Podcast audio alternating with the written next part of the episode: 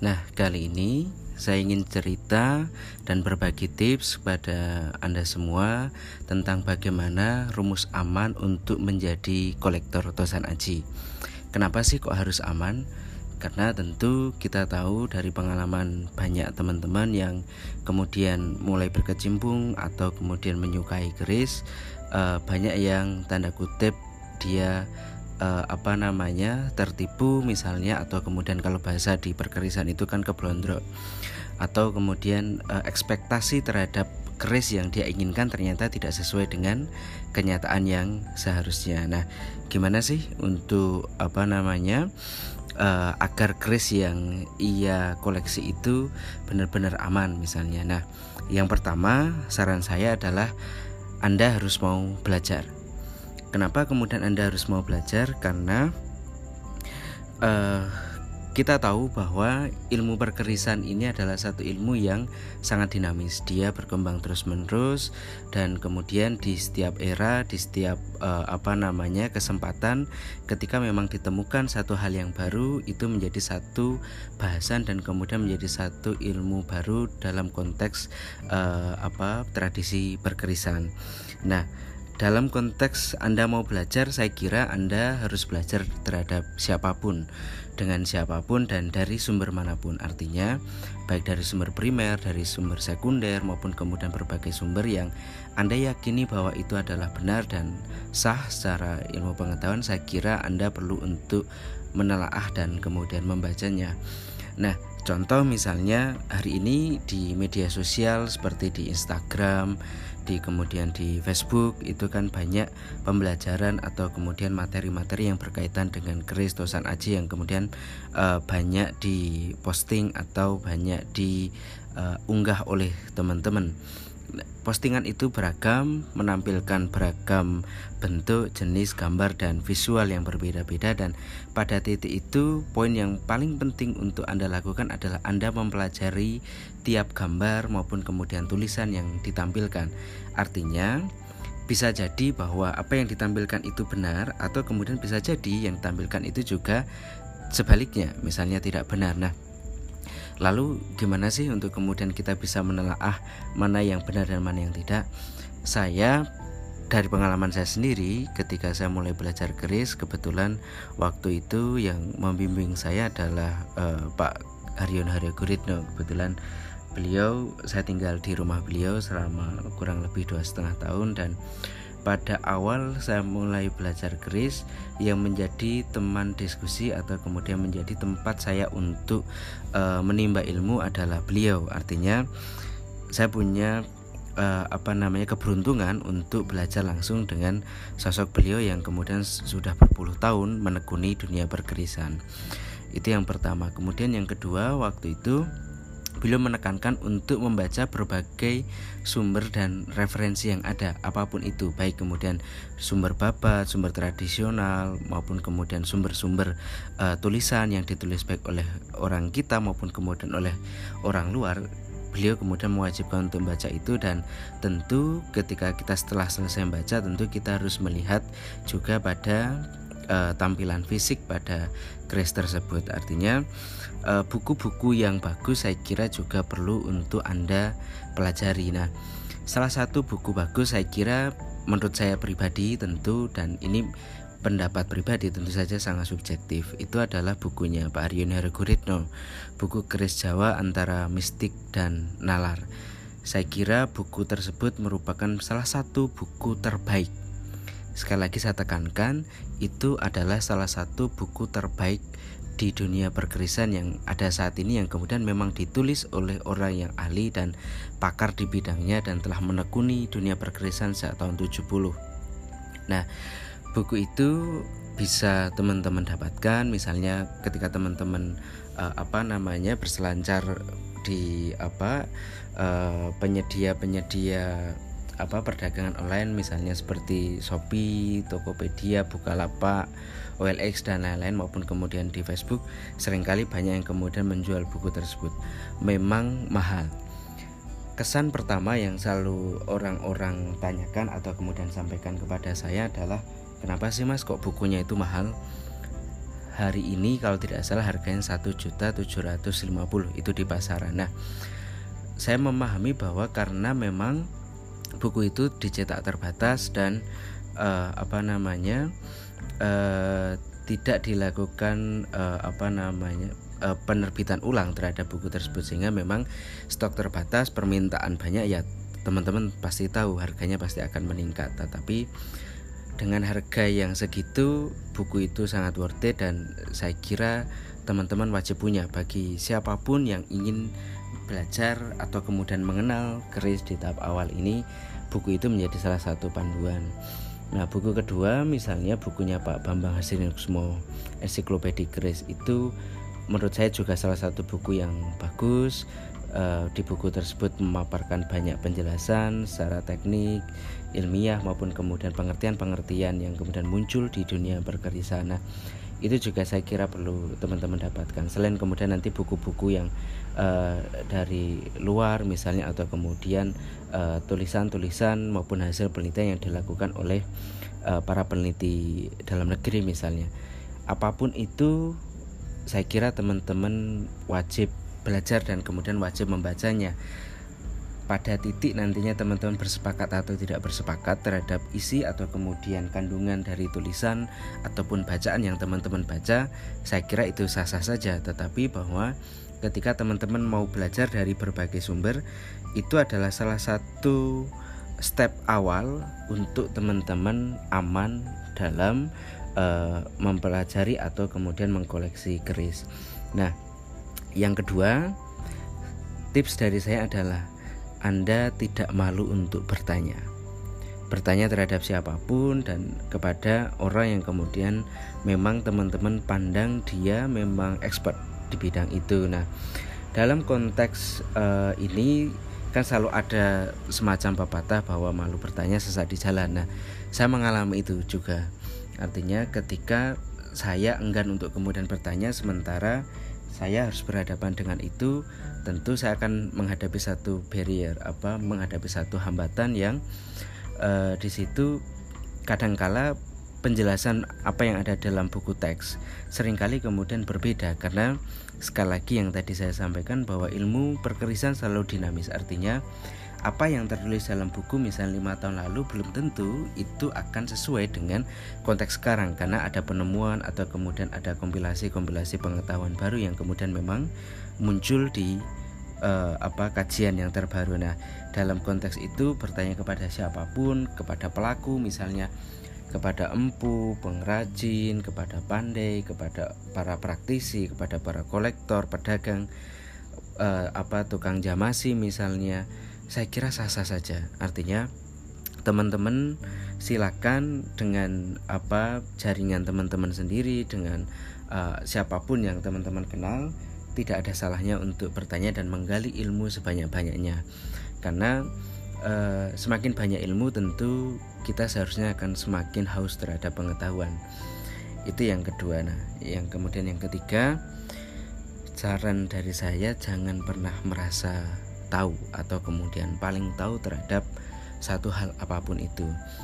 Ini membuktikan bahwa ketika orang merasa tahu atau kemudian sudah puas terhadap apa yang dia miliki atau kemudian dia ketahui, pada saat itulah menurut saya orang itu telah mandek. Artinya dia telah tidak lagi berkembang secara ilmu pengetahuan atau tidak lagi berkembang secara uh, kemampuan untuk menganalisa sesuatu. Nah, uh, sok tahu atau kemudian uh, rasa merasa tahu itu menjadi satu hal yang saya kira kita harus hindari bersama karena orang yang sering kali sudah merasa tahu dia tidak lagi punya sikap kritis atau kemudian sikap kewaspadaan terhadap apa yang kemudian akan terjadi atau kemudian akan menimba dirinya.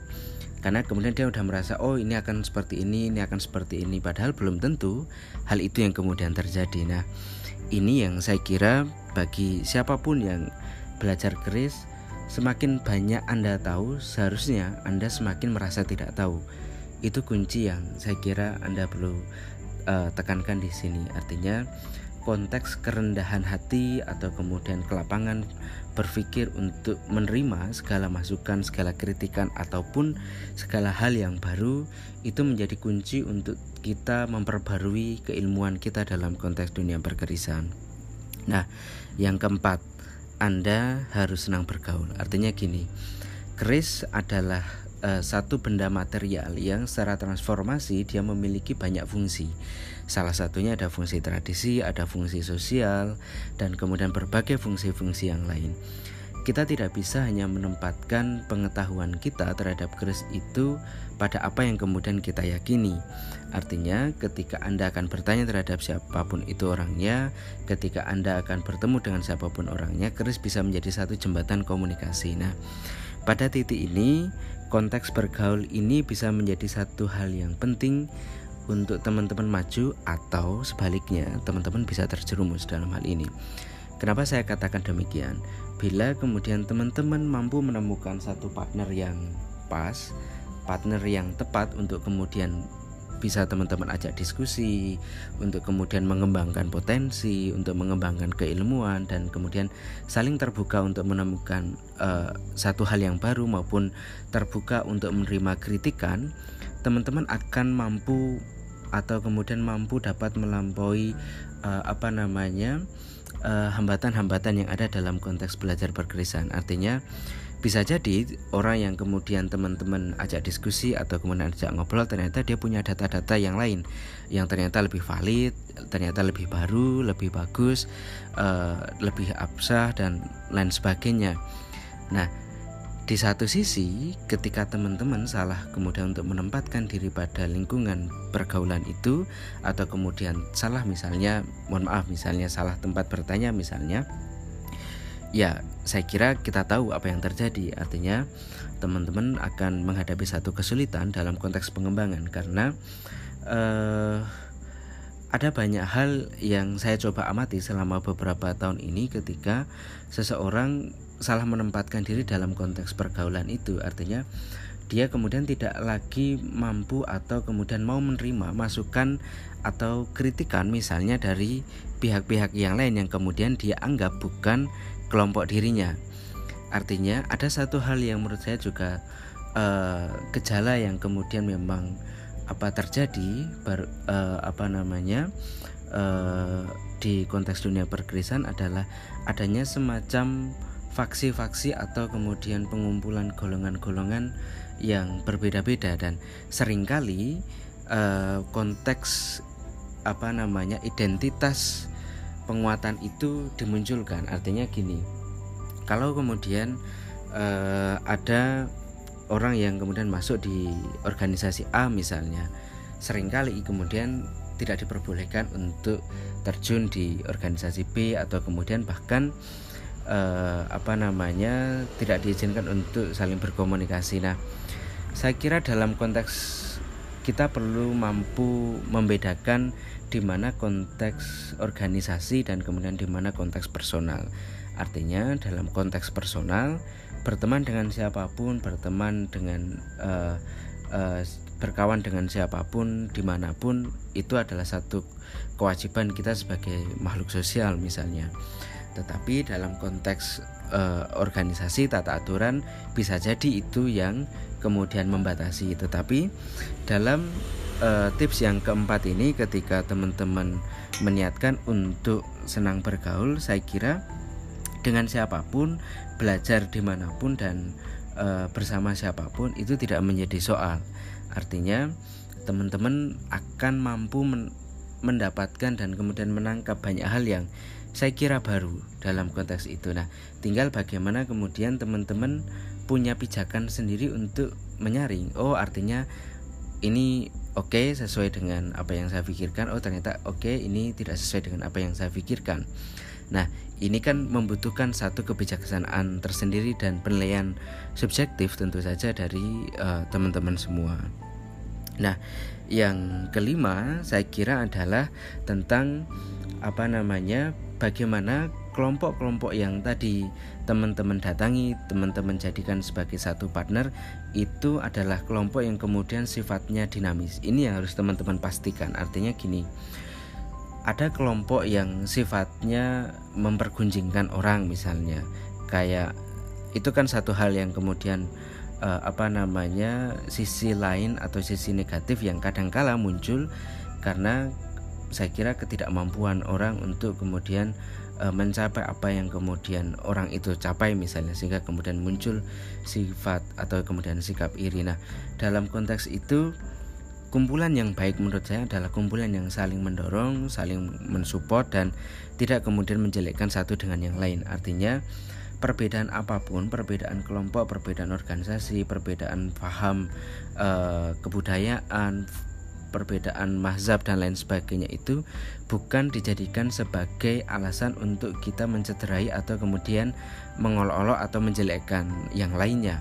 Saya kira tidak demikian. Artinya kita juga harus mampu menempatkan bahwa ketika memang ada hal yang baik tentu harus kita apa ambil hal baik itu tapi ketika ada hal yang tidak baik tentu kita harus tinggalkan nah artinya kelompok yang baik menurut saya adalah kelompok yang selalu mensupport untuk menemukan pencapaian-pencapaian baru lompatan-lompatan baru hal-hal baru yang kemudian sifatnya mendukung apa yang sudah teman-teman dapatkan. Artinya bukan untuk kemudian mendekonstruksi atau menjelek-jelekkan atau kemudian justru menjauhkan teman-teman dari dunia sosial uh, perkerisan ini. Karena menurut saya dalam konteks dunia perkerisan tidak ada untungnya kita itu saling berselisih. Tidak ada untungnya teman-teman bertengkar untuk memperebutkan sesuatu. Artinya gini, Salah satu hal yang menurut saya juga kurang baik misalnya di dunia perkerisan itu kan kecenderungan yang sering kali saling menjelekkan ya. Artinya ada konteks persaingan baik persaingan ilmu, persaingan ketokohan, persaingan nama, apalagi misalnya ketika kita bicara soal persaingan ekonomi. Ini yang paling fatal. Artinya gini, ketika orang berbicara soal perut, berbicara soal kebutuhan makan, berbicara soal kebutuhan untuk berdagang, nah kadangkala kan hal-hal yang tidak baik ini yang kemudian dimunculkan untuk kemudian mendapatkan simpati, mendapatkan pengaruh, mendapatkan pengikut dan lain sebagainya. Saya kira dalam konteks perdagangan apa pun ya itu hak masing-masing untuk melakukan itu, tetapi saran saya kok uh, sudah saatnya hal, hal seperti itu tidak lagi terjadi di generasi yang sekarang. Artinya bahwa kita perlu belajar dari apa yang sudah terjadi di banyak hal, di banyak tempat, di banyak organisasi, bukan hanya Kris loh ya, tetapi di banyak organisasi yang lain. Eh, persaingan-persaingan yang tidak sehat justru akan menghancurkan dunia itu sendiri. Artinya, kalaupun misalnya ada dunia, eh, mohon maaf, misalnya eh, dunia mainan kelereng, misalnya. Orang-orang di mainan kelereng itu saling berebut gundu untuk kemudian apa namanya saling menjatuhkan satu sama lain. Yang rusak itu bukan orang yang disasar itu tetapi yang rusak adalah permainan kelereng itu seluruhnya kan? Nah sama di dunia perkerisan menurut saya. Artinya ketika orang-orang menampilkan wajah-wajah uh, ketidakpercayaan menampilkan wajah-wajah saling menjelekkan saling apa namanya tidak simpatik antara satu dan lainnya saya kira yang tidak baik itu bukan orang perseorangannya itu atau lembaga perlembaganya itu tetapi adalah wajah dunia perkerisan secara umum. Nah hal-hal seperti ini menurut saya mulai hari ini perlu untuk kita hindari. Dengan siapa pun, dengan organisasi mana pun, dengan lembaga apa pun kita wajib berkawan dengan baik bahwa kemudian ada perbedaan-perbedaan dalam konteks cara menjalankan organisasi dan lain-lain itu adalah pilihan-pilihan yang lain, tetapi dalam konteks dunia sosial untuk memajukan kepentingan bersama, saya kira tentu kita harus berkolaborasi dengan siapa pun. Nah, yang kemudian yang keenam itu jangan pernah tergesa-gesa dan terburu-buru. Soal ini sering kali saya ulas dalam postingan-postingan saya baik di Instagram, di Facebook maupun kemudian di tulisan di blog Galeri Om Hanara misalnya ada kecenderungan kolektor-kolektor pemula ini yang saya amati selama bertahun-tahun ini adalah kecenderungan mudah puas diri, mudah merasa dia sudah punya ilmu yang baik dan kemudian akhirnya lepas kendali untuk membeli banyak keris maupun tosan aji. Ya, ini sah-sah saja. Artinya ketika Anda punya uang, Anda ingin membeli apa pun itu, ya itu sah-sah saja. Tetapi ingat bahwa proses di dunia keris itu bukan proses yang instan. Artinya orang belajar itu kan ada tingkatan. Saya mengibaratkan ya seperti kita lah. Di satuan tingkat pendidikan apa formal misalnya ada tingkat pendidikan dasar misalnya dari PAUD, kemudian TK, SD, SMP, SMA, perguruan tinggi dan perguruan tinggi pun juga ada tiga tingkatan. Ada strata 1, strata 2, ada doktoral misalnya. Nah, ini mencerminkan bahwa di dunia keris pun juga sama. Artinya konteks ilmu keris ini sangat-sangat luas. Saya meyakini bahwa tidak ada satupun orang di dunia keris yang menguasai semua hal di dunia keris ini sendiri.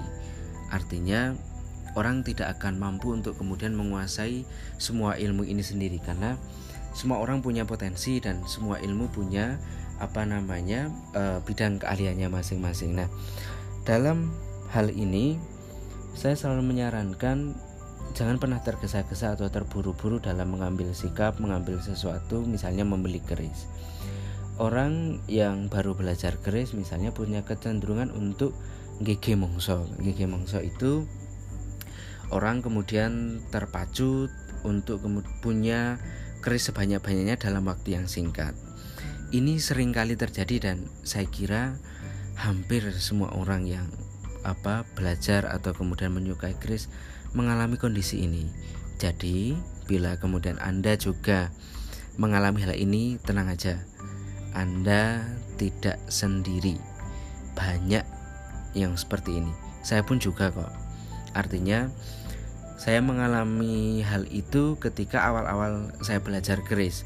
Meskipun tadi saya sampaikan saya banyak berdiskusi misalnya dengan Pak Aryono Guritno, saya membaca berbagai referensi dalam waktu yang singkat misalnya, itu kemudian menyebabkan saya menjadi jumawa. Menjadi jumawa itu gini. Saya merasa bahwa oh saya udah tahu ini saya udah tahu itu saya udah tahu ini ini itu. Akhirnya saya punya keberanian dan kemudian entah ada dorongan ataupun enggak ya artinya saya kemudian karena saya sudah merasa mampu saya kemudian lantas membeli keris dengan uh, nominal yang fantastis nominal yang cukup tinggi dan dalam waktu tempo yang sesingkat-singkatnya tanpa berpikir panjang. Nah dalam satu bulan misalnya waktu itu saya bisa membeli tiga keris. Dan hal ini baru kemudian saya sadari selama tiga bulan. Artinya selama tiga bulan saya sudah cukup punya banyak keris dan menguras tabungan saya sama istri. Dan apa yang kemudian terjadi? Ternyata beberapa keris yang kemudian saya punya ekspektasi lebih di situ berbeda dari yang sebenarnya. Artinya saya pun pernah ketipu. Dari situ mangkel tentu saya mangkel tentu saya marah tentu saya kecewa. Lah tetapi ya nasi udah jadi bubur kan? Artinya kita tidak lagi bisa menyesali posisi-posisi itu yang bisa kita lakukan ya. Kalau kemudian penjualnya mau berkenan untuk menerima itu kembali meskipun kemudian kita harus menjualnya dengan harga yang lebih murah dari harga yang kita uh, beli ya itu yang kemudian saya lakukan waktu itu. Nah dari proses itu kemudian saya tersadar satu hal bahwa ketergesaan terburu-buru itu hal yang tidak baik. Katanya kan kalau di agama itu orang yang terburu-buru itu kan temannya setan. Nah, saya kemudian berpikir ada satu kesalahan fatal yang kemudian saya lakukan adalah sifat jumawa itu sifat saya sudah merasa tahu, saya kemudian tidak lagi bertanya dan akhirnya saya terpengaruh untuk membeli keris sebanyak-banyaknya secepat-cepatnya dalam tempo sesingkat-singkatnya. Nah, ini satu hal yang saya kira menjadi pengalaman yang cukup pahit dan di sini saya berharap teman-teman tidak lagi mengalami hal tersebut.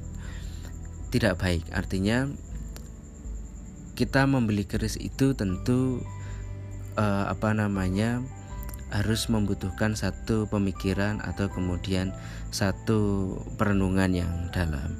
Kenapa demikian? Saya mempercayai bahwa keris itu memiliki berbagai tingkatan. E, andaikan saja sederhana gini, uh, seperti mobil misalnya mobil ada yang harganya misalnya kelas uh, murah misalnya ada yang kemudian kelas menengah ada yang kemudian kelas atas ada yang kelas elit misalnya. Seperti sepeda motor kan juga sama misalnya dari yang harga biasa misalnya sampai kemudian kelas Harley Davidson misalnya yang miliaran dan lain-lain itu juga ada. Nah di keris pun juga sama artinya um, dari yang apa saya amati selama ini keris memiliki berbagai tingkatan. Saya ingin membahas soal tingkatan ini nanti di sesi berikutnya tetapi dari berbagai tingkatan itu kita akan menempatkan diri kita di mana sih? Semua orang pasti ingin mendapatkan yang terbaik. Siapa pun itu pengen mendapatkan yang terbaik. Tetapi apakah ikhtiar, usaha kita dan kemampuan kita sudah mencukupi atau tidak untuk sampai ke tingkat itu? Nah, itu yang saya maksudkan tadi soal perenungan dan uh, apa namanya pemikiran yang sangat mendalam. Artinya gini, orang banyak tergesa-gesa untuk segera memiliki keris-keris wah. Contoh, keris Nogososro misalnya, keris Abu Inten, keris Singo Barong, dan lain sebagainya. Orang mungkin punya kecenderungan untuk segera memiliki itu yaitu sah-sah saja karena memang kita dibentuk oleh narasi-narasi sejarah yang wah tentang bagaimana cerita-cerita tentang keris-keris tersebut bahwa keris tersebut punya kerajaan, punya raja dan lain sebagainya.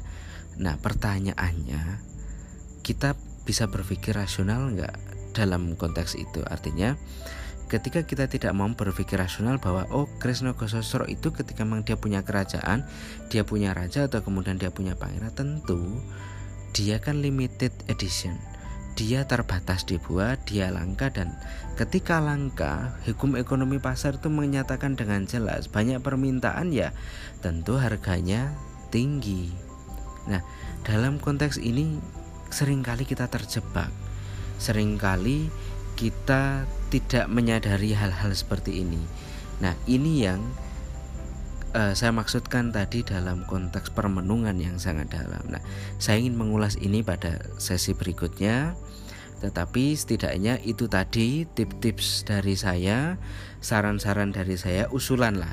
Artinya saya tidak berani untuk kemudian menyarankan bahwa ini harus Anda lakukan, ini harus teman-teman lakukan. Saya tidak berani melakukan itu, tetapi bahwa dari pengalaman saya pribadi itu yang kemudian bisa saya sarankan kepada Anda ketika Anda ingin aman dalam mengkoleksi keris maupun tosan aji. Oke, uh, teman-teman, sesi ini kita akhiri sementara.